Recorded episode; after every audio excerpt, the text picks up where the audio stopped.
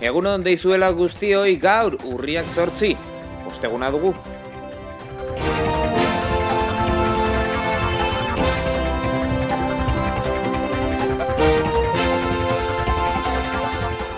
Roland Garroseko finalerdiak badauzkagu jada Djokovic eta Txitsipazen garaipenen ostean.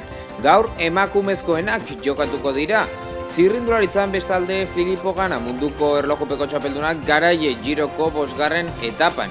Bigarren etapa begar, be, beraren zat aurten go giroan Almeida Portugaldarra jantziko da gaur berri sarrosaz eta Peio Bilbao bigarren da dagoeneko zelkapen nagusian eta futbolean Nations Leagueko partidak izango ditugu gaur.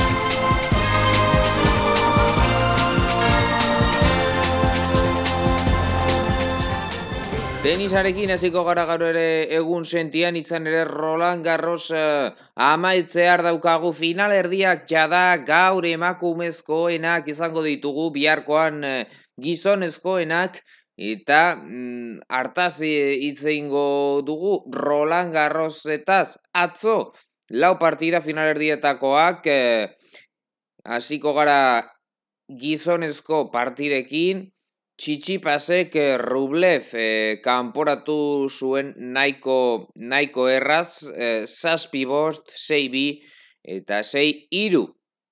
Australiarraren zat, eh, munduko zeigarrenaren zat, hortaz, eh, Djokovic izango du etxai. Finaldietan, Djokovicek Pablo Carreño Espainiarra kanporatu zuelako. Lausetetan hori bai lehenak karreinok irabazi zuen lau eta sei, baina hortik aurrera Serbiarra nagusi izan zen partida on batean, oso ona izan zen partida. Lau eta sei izan dugun moduan eh, karreinoren lehen zeta, eh, gero sei bi, sei iru eta sei eta lau, Novak eh, Djokovic entzat. Hortaz, bihar jokatuko diren finalerdiak, gizonesko finalerdiak, Djokovic, Txitsipas eta Nadal Schwartzman. Eta emakumezkoenean atzo bi partida final laurdenak eh, amaitzeko Petra Kivitobak Laura Sigemund kanporatu zuen eta Keninek eh, Collins eh, kanporatu zuen hortaz atzokoan ezen ezen ez usteko handirik egon izan ere printzipioz favoritoak Kenin eta eta Kivitoba ziren argi eta biek pasatzera pasatzea lortu zuten. Gaur, zer daukagu, ba, finalerdiak emakumezkoak eh, esan dugun moduan. Bat, lehenengoa, kenin eta kibito baren eh, artekoa, munduko zeigarrena da kenin eta munduko amaika garrena kibito ba, txekiarra, eta bestean eh, ezustekoen eh, aldetik izango dugu finalerdia, esbiatek munduko berrogeita malau garrena eta podororska munduko eunda hogeita maika garren eh, denaren artean. Hortazken ikibitoba eta esbiatek podororska gaur finalerdiak, emakumezkoen finalerdiak Roland Garrosen. Filippo Gana garaie Italiako giroaren bosgarren etapa, bere bigarren etapa lortu zuen eh, Italiarrak ineosek taldekoak munduko erlojupeko txapeldunak, lehen erlojupeko irabazi eta orain, atzo, ezustekoa eman zuen izan ere, ezen erlojupeko izan, ezen ez da ere, etapa oso, oso, bueno, mendiak izan zituen etapa izan zen, gora beratxua, Eta lehen mailako mendate bat e, zeukaten txirrindulariek e, elmugara ama bi kilometro e, faltatzen, elmugara llegatzeko ama bi kilometro faltatzen zirenean.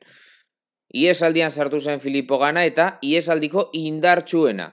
Izan zen e, Tomas de Gent baino indartsuagoa adibidez, eta bere izan zen ailegatu zen bakarra e, elmugara pelotoia atzetik eta pelotoian eh, Joao Almeidak eh, irugarren amaitu eta lau, lau segunduko bueno, bonifikazioa lortu zuen eh, eta gainera eh, bigarren eh, zen kaizedok eh, potxegin eta mm, peio bilbao daukagu orain bigarren zailkapen nagusian. Gaur segarren etapa Castro Bilari eta Matera den artean aipagarria Amaitzeko, hogeita bost kilometro ingurura duten mendatea, irugarren mailakoa, baina printzipioz sprinterrek eh, aguantatu beharko lukete, aukerarik nahi badute gaurkoan materako elmugan. Almeida liderra, atzoko etapa, Filipo Ganarentzat.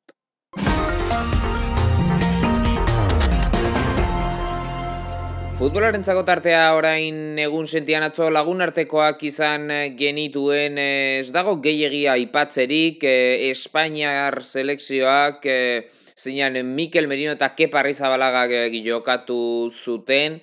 Utxe eta utxe berdin duzuen Portugalen aurka, Portugalek bi baloi bidali zituen langara, baina e, berdinketa, maieran utxe eta utxe, beste emaitza ipagarriak adibidez, Zuitzak bat, Kroaziak bi, Frantziak zazpi, Ukraniak eh, bat, Poloniak bost, Finlandiak bat, edo Herberebek e, utx, Mexikok bat.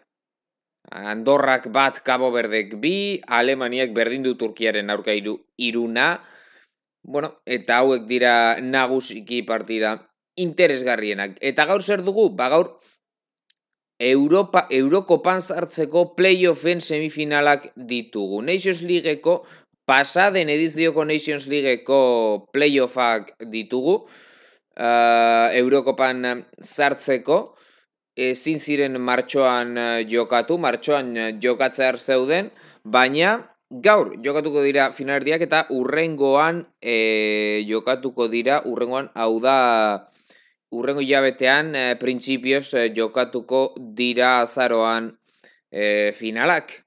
Badakizue, aligan, eh, aligatik bat joango dela, beligatik beste bat, zeligatik beste bat, eta deligatik beste bat euroko para. Hortaz, bederatziak laurden gutxitan, aligako semifinalak, Bulgaria, Ungaria eta Islandia, Errumania, beligakoak, Bosnia, eh, Irlanda, ez Bosnia, barkotu Bosnia, Ertzegobina, jokatuko du iparraldeko Irlanda den aurka eta Irlandak jokatuko du Eslovakiaren aurka hori Belgako playoffean. Ze ligako playoffean baita ere bi, bi partidak ebedertziak lorden gutxitan, Norvegia eta Serbia alde batetik, Eskozia eta Israel bestetik, eta deligan adi hauetako, lau hauetako batek Euroko parako biletea lortuko duelako, zeiretan Georgia, Bielorrusia, eta bedertziak lorden gutxitan Macedonia Kosovo.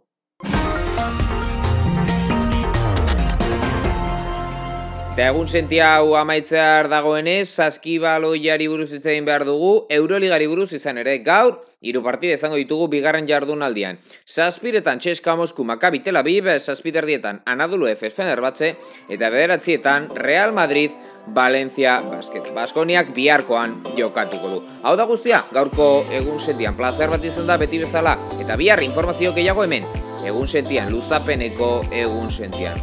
Ondo izan, bihar arte.